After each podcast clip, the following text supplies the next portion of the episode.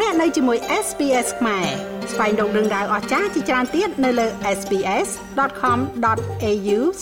ខ្មែរឆ្នាំមមីញឹកសម្រាប់អ្នកវិទ្យាសាស្ត្រពិភពលោកឆ្នាំនេះនៅក្នុងពិភពវិទ្យាសាស្ត្រយើងបានសង្កេតឃើញរបបកំហើញមិនគួរឲ្យជឿការព្រមានសំខាន់សំខាន់និងគំនិតដ៏អស្ចារ្យបំផុតមួយចំនួនដែលជួយត្រួសត្រាយផ្លូវឆ្លងកាត់ទៅអនាគតដែលមិនច្បាស់លាស់ ឆ្នាំ2022គឺជាឆ្នាំនៃទឹកជំនន់ដ៏ធ្ងន់ធ្ងរ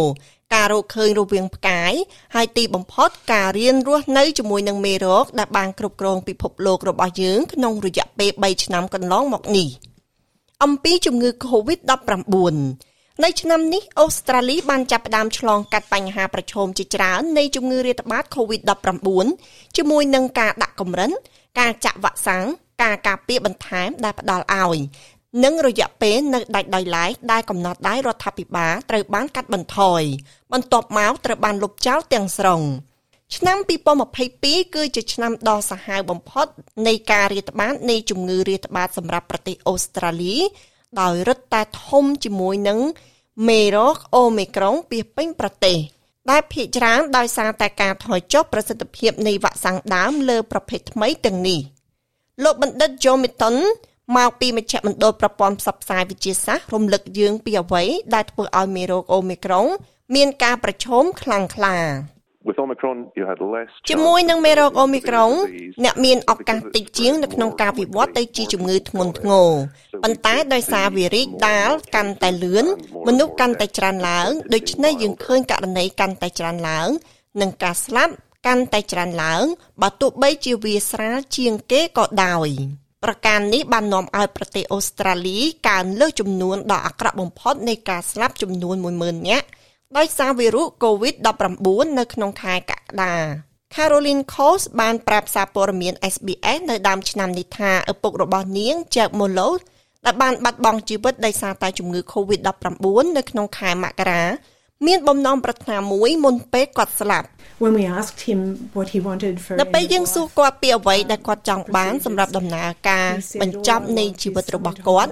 គាត់បាននិយាយថាអ្វីដែលគាត់ចង់បាន គឺចង់ឲ្យមាននរណាម្នាក់កាន់ដៃគាត់ហើយនោះគឺជាអ្វីដែលយើងសង្ឃឹមទុកហើយយើងមិនអាចធ្វើវាបានទេអំពីជំងឺ Monkeypox បន្ទាប់ពីរបួសយ៉ាងជ្រៅនៃជំងឺ Covid-19 ប្រជាពលរដ្ឋអូស្ត្រាលីជាច្រើនមានការភ័យខ្លាំងថាព័ត៌មាននៃជំងឺដែលរីករាលដាលចេញពីទ្វីបអាហ្វ្រិកនិងនៅលើច្រាំងសមុទ្ររបស់យើងអាចនាំឲ្យមានជំងឺរាតត្បាតមួយទៀតគឺ Monkeypox ដែលជាជំងឺរាតត្បាតដល់បណ្ដាប្រទេសអាហ្វ្រិកកណ្ដាលនិងភាគខាងលិចជាច្រើនចាប់តាំងពីទសវត្សរ៍ឆ្នាំ1970 បានផ្លាស់ប្ដូរនៅក្នុងខែឧសភាហើយបានរីករាលដាលយ៉ាងឆាប់រហ័សនៅជុំវិញពិភពលោកក៏ត្រឹមខែធ្នូករណីបានកើនឡើងដល់ជាង81,000នៅទូទាំងពិភពលោកដែលមានអ្នកស្លាប់ចំនួន60នាក់រួមទាំងករណីដែលបានបញ្ជាក់ឬប្រហែល143ករណីនៅក្នុងប្រទេសអូស្ត្រាលីលោកវិជ្ជបណ្ឌិតម៉ារ៉ាតុនមានប្រសាសន៍ថាគណៈពេលដែលមានហេតុផលសម្រាប់ការព្រួយបារម្ភ អ្នកវិទ្យាសាស្ត្រមិនទាន់មានការព្រួយបារម្ភអំពីការរីករាលដាលនៃជំងឺរាតត្បាតនោះទេ So it's spreading fast but the the really good news ដូច្នេះវិរិយរាលដាលយ៉ាងឆាប់រហ័សប៉ុន្តែដំណឹងល្អពិតប្រាកដអំពីជំងឺ Monkeypox គឺវ៉ាក់សាំងដែលយើងបានទទួលសម្រាប់ជំងឺនេះដែលកើតមានជារៀងរហូតពួកវាមានប្រសិទ្ធភាពខ្ពស់នៅក្នុងការបង្ការជំងឺព្រោះជំងឺទាំងពីរនេះមានទំនាក់ទំនងគ្នាយ៉ាងជិតស្និទ្ធមានន័យថាយើងប្រហែលជាមិនសូវខ្លាច Monkeypox ទេ វានឹងមិនទៅជាជំងឺឆ្កួតដូចជាកូវីដនោះឡើយនេះគឺជាអ្វីដែលយើងសង្ឃឹមអំពីបំរែបំរួលអាកាសធាតុខណៈពេលដែលយើងអាចគេចផុតពីជំងឺរាតត្បាតមួយផ្សេងទៀតឆ្នាំនេះក៏បាននាំមកនៅការព្រមានធ្ងន់ធ្ងរមួយចំនួនអំពីអនាគតនៃភពផែនដីរបស់យើង ដែលស្ថិតនៅក្នុងវិបត្តិអាកាសធាតុដែលកំពុងរីករាលដាលយ៉ាងឆាប់រហ័ស កិច្ចប្រជុំកំពូល COP27 របស់អង្គការសហប្រជាជាតិនៅក្នុងខែវិច្ឆិកាបានបង្ហាញពីការធ្លាក់ចុះនៃការបដិញ្ញាចិត្តពីមុន ដើម្បីបញ្ចប់ថាមពលធ្យូងថ្ម និងការអបថមធនឥន្ធនៈហ្វូស៊ីលប៉ុន្តែមេដឹកនាំមួយចំនួននៅបន្លឺសម្លេងរោអគ្គលេខាធិការរបស់អង្គការសហប្រជាជាតិលោក Antonio Guterres បានប្រមានថាភាពអសកម្មណាមួយបន្ថែមទៀតនឹងនាំឲ្យមានភាពវឹកវរជាសកល And our planet is fast ភពផែន approaching ដីរបស់យើង tipping កំពុង point. ខាត់ជិតដល់ចំណុចកម្ពស់យ៉ាងលឿនដែលនឹងធ្វើឲ្យភាពវឹកវរអាកាសធាតុมันអាចត្រឡប់មកវិញបានយើងនៅលើផ្លូវ highway ទៅកាន់ឋានរស់ដោយជើងរបស់យើងនៅលើឧបករណ៍បង្កើនល្បឿន នៅឆ្នាំ2022បានឃើញកម្រិតឧស្ម័នផ្ទាំងកញ្ចក់ការឡើងអាស៊ីតនៃមហាសមុទ្រនិងកម្រិតទឹកសមុទ្រកើនឡើង ដែលបានបង្កើតកំណត់ត្រាថ្មី អំពីអាកាសធាតុទន្ទឹមនឹងនេះដោយមានការអនុញ្ញាតពីព្រឹត្តិការណ៍អាកាសធាតុឡានីណាជាប់ជាប់គ្នាលើកទី3យើងបានឃើញទឹកជំនន់ដ៏អាក្រក់បំផុតមិនធ្លាប់មាននៅក្នុងប្រទេសអូស្ត្រាលីនៅក្នុងខែកុម្ភៈមិនិនាឧសភាកក្កដាតុលានិងវិច្ឆិកា ដែលបានធ្វើឲ្យជីវិតមនុស្សជាច្រើនមានភាពច្របូកច្របល់ប្រជាពលរដ្ឋនៅ Lismore នេះត្រូវបានគេបង្ខំឲ្យបោះជំរំនៅលើដំបូលផ្ទះរបស់ឪពុកម្ដាយរបស់គាត់បន្ទាប់ពីផ្ទះរបស់ពួកគេបានលិចទឹកនៅក្នុងទឹកជំនន់ខែកុម្ភៈ Water started to come into the house, so ទឹកចាប់ផ្ដើមចូលនៅក្នុងផ្ទះដូច្នេះខ្ញុំក៏ទូរស័ព្ទទៅមិត្តសម្លាញ់របស់ខ្ញុំហើយគាត់និយាយថាមិត្តត្រូវចេញពីទីនោះ ហើយបើមានអ្វីកាត់ឡើងគឺមិនអាចចាក់ចេញរួចទេពេលនោះមានអ្នកចិត្តខាងម្នាក់កំពុងបើកទូករបស់គាត់ជួយមនុស្សដូច្នេះខ្ញុំទៅតែឡើងចណ្ដាយយន្តទៅរកប៉ានិងម៉ាក់ហើយពួកគេគឺនៅលើដំបូលផ្ទះហើយពួកយើងក៏បានបោះតង់នៅទីនោះនៅលើដំបូលផ្ទះតាំងពីម៉ោង5ឬ6ព្រឹកអំពីខៅឡាបានចុះបញ្ជីថាជាប្រភេទសត្វដែលចិត្តផុតពូជ ព្រឹត្តិការណ៍អាកាសធាតុដ៏អាក្រក់ទាំងនេះបានធ្វើឲ្យសត្វពូជជាច្រើនគ្មានទីជម្រកហើយបានដើរតួនាទីមួយក្នុងចំណោមសត្វដែលគួរឲ្យស្រឡាញ់និងជានិមិត្តរូបរបស់យើង កំពុងតែត្រូវបានរុញច្រានឲ្យចិត្តផុតពូជហើយ កាលពីដើមឆ្នាំនេះសត្វខ្លាឃ្មុំខៅឡាត្រូវបានប្រកាសជាផ្លូវការថាជាប្រភេទសត្វចិត្តផុតពូជ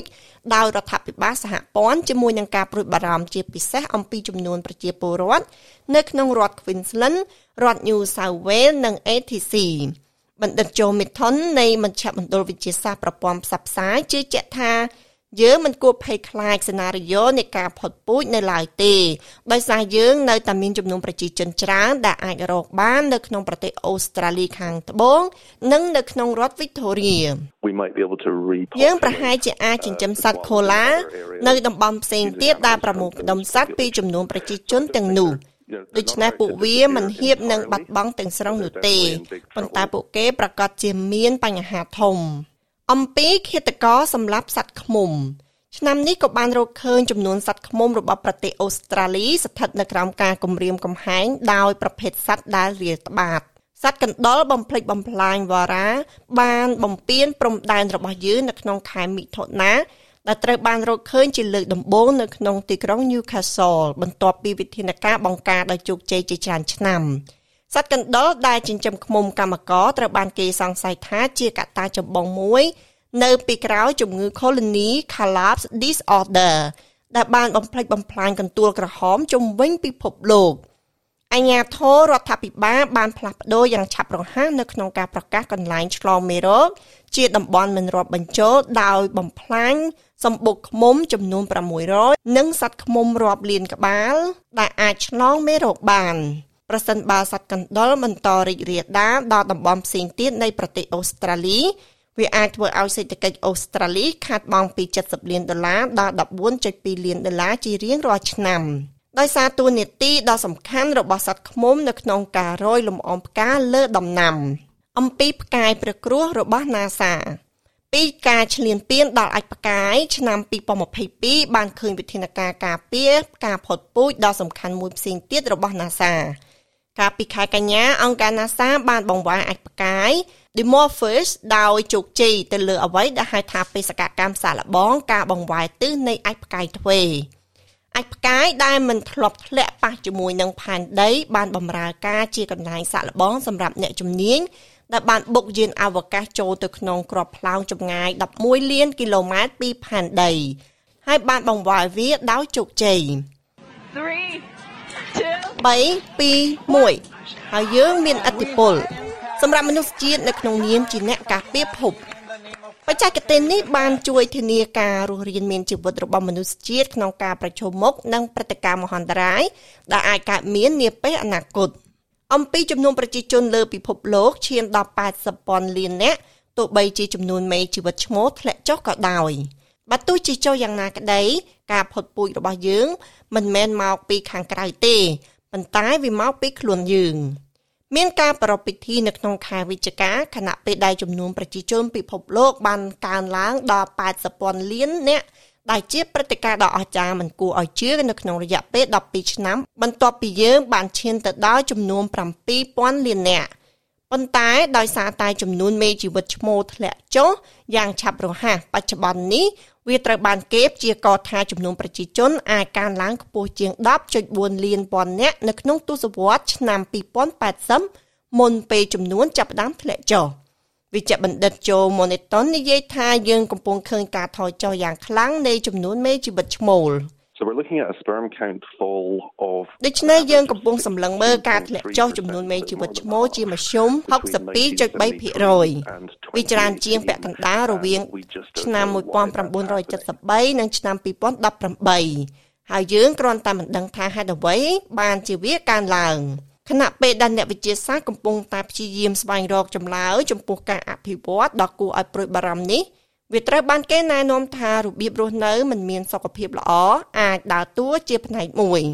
ហើយខណៈពេលដែលអ្នកវិទ្យាសាស្ត្រជាច្រើនរបស់ពិភពលោកបាននឹងកំពុងឈានទៅដល់ផ្កាយហើយព្យាយាមដោះស្រាយបញ្ហាប្រឈមនៃចំនួននេះអ្នកខ្លះបានប្រើវិធីស្រាលជាងមុន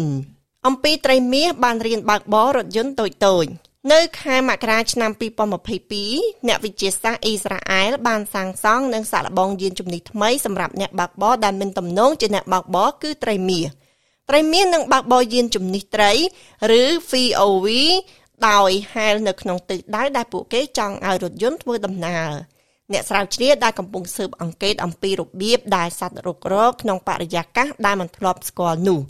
មានការភ្ញាក់ផ្អើលយ៉ាងខ្លាំងខណៈដែលត្រីអាចយកឈ្នះលើឧបសគ្គជាច្រើនដើម្បីទទួលបានការព្យាបាលនៅទីតាំងគោលដៅរបស់ពួកគេ អំពីកោសិកាខួរក្បាលរបស់មនុស្សលេងពេញប៉ុងត្រីមាសរបស់អ៊ីស្រាអែលមិនមែនជាជនសង្ស័យតែមួយគត់ដែលទំនងជាលួចយកនៅចំណងជើងនោះទេខណៈពេលដែលអ្នកវិទ្យាសាស្ត្របង្រៀនខួរក្បាលដែលលូតលាស់ដោយមន្ទីរពិសោធន៍ឲ្យលេងវីដេអូហ្គេមបែបបុរាណ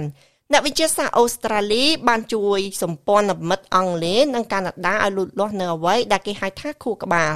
ដែលជាកោសិកាខួរក្បាលចំនួន8សែនដែលបន្ទាប់មកពួកគេបានបង្រៀនពីរបៀបលេងវីដេអូហ្គេមប៉ុងវិជ្ជបណ្ឌិត Malton បញ្យល់ថា So they did that by connecting ដូច្នេះពួកគេបានធ្វើវាដោយការភ្ជាប់អេឡិចត្រូតដែលអាចជួយជំរុញកោសិកានិងអេឡិចត្រូតនៅជ្រុងផ្សេងទៀត ដូច្នេះអេឡិចត្រូតខាងឆ្វេងនិងអេឡិចត្រូតខាងស្ដាំប្រាប់ខួរក្បាលថាតើបាល់នៅខាងណាហើយបន្ទាប់មកភាពញឹកញាប់នៃសញ្ញាទាំងនោះប្រាប់ថាតើចម្ងាយប៉ុន្មាន បាល់មកពីកប៉ាល់ហើយខួរក្បាលបានរៀនលេងពងត្រឹមតែ5នាទីប៉ុណ្ណោះលើពីវីដេអូហ្គេមអ្នកវិទ្យាសាស្ត្រកំពុងសង្ឃឹមថាខួរក្បាលទាំងនេះអាចបើកទ្វារសម្រាប់ការធ្វើតេស្តវិទ្យាសាស្ត្រដោយមនុស្សជំនួសឲ្យប្រធានបទសត្វដូច្នេះ ឆ្នាំ2022គឺជាឆ្នាំដ៏ធំមួយនៅក្នុងវិទ្យាសាស្ត្រដែលពោពេញទៅដោយការរកឃើញចម្លែកការជឿនលឿនសំខាន់សំខាន់និងការប្រមានដ៏ធ្ងន់ធ្ងរអំពីគ្រោះមហន្តរាយដែលអាចកើតមានឡើងនាពេលខាងមុខសូមរងចាំនៅឆ្នាំ2023ខណៈដែល SBS នឹងផ្ដល់ព័ត៌មានលម្អិតអំពីរឿងរ៉ាវវិទ្យាសាស្ត្រសំខាន់សំខាន់ទាំងអស់ដែលនឹងមកដល់ក៏ដូចជារឿងរ៉ាវចម្លែកចម្លែកមួយចំនួនផងដែរអត្ថបទនេះរៀបចំដោយ Zam Dover និងប្រែសម្រួលដោយនាងខ្ញុំ ឡៅដាណេសម្រាប់ការផ្សាយរបស់ SBS ខ្មែរចង់ស្ដាប់រឿងរ៉ាវបែបនេះបន្ថែមទៀតទេ ស្ដាប់នៅលើ Apple Podcast Google Podcast Spotify ឬកម្មវិធីដទៃទៀតដែលលោកអ្នកមាន។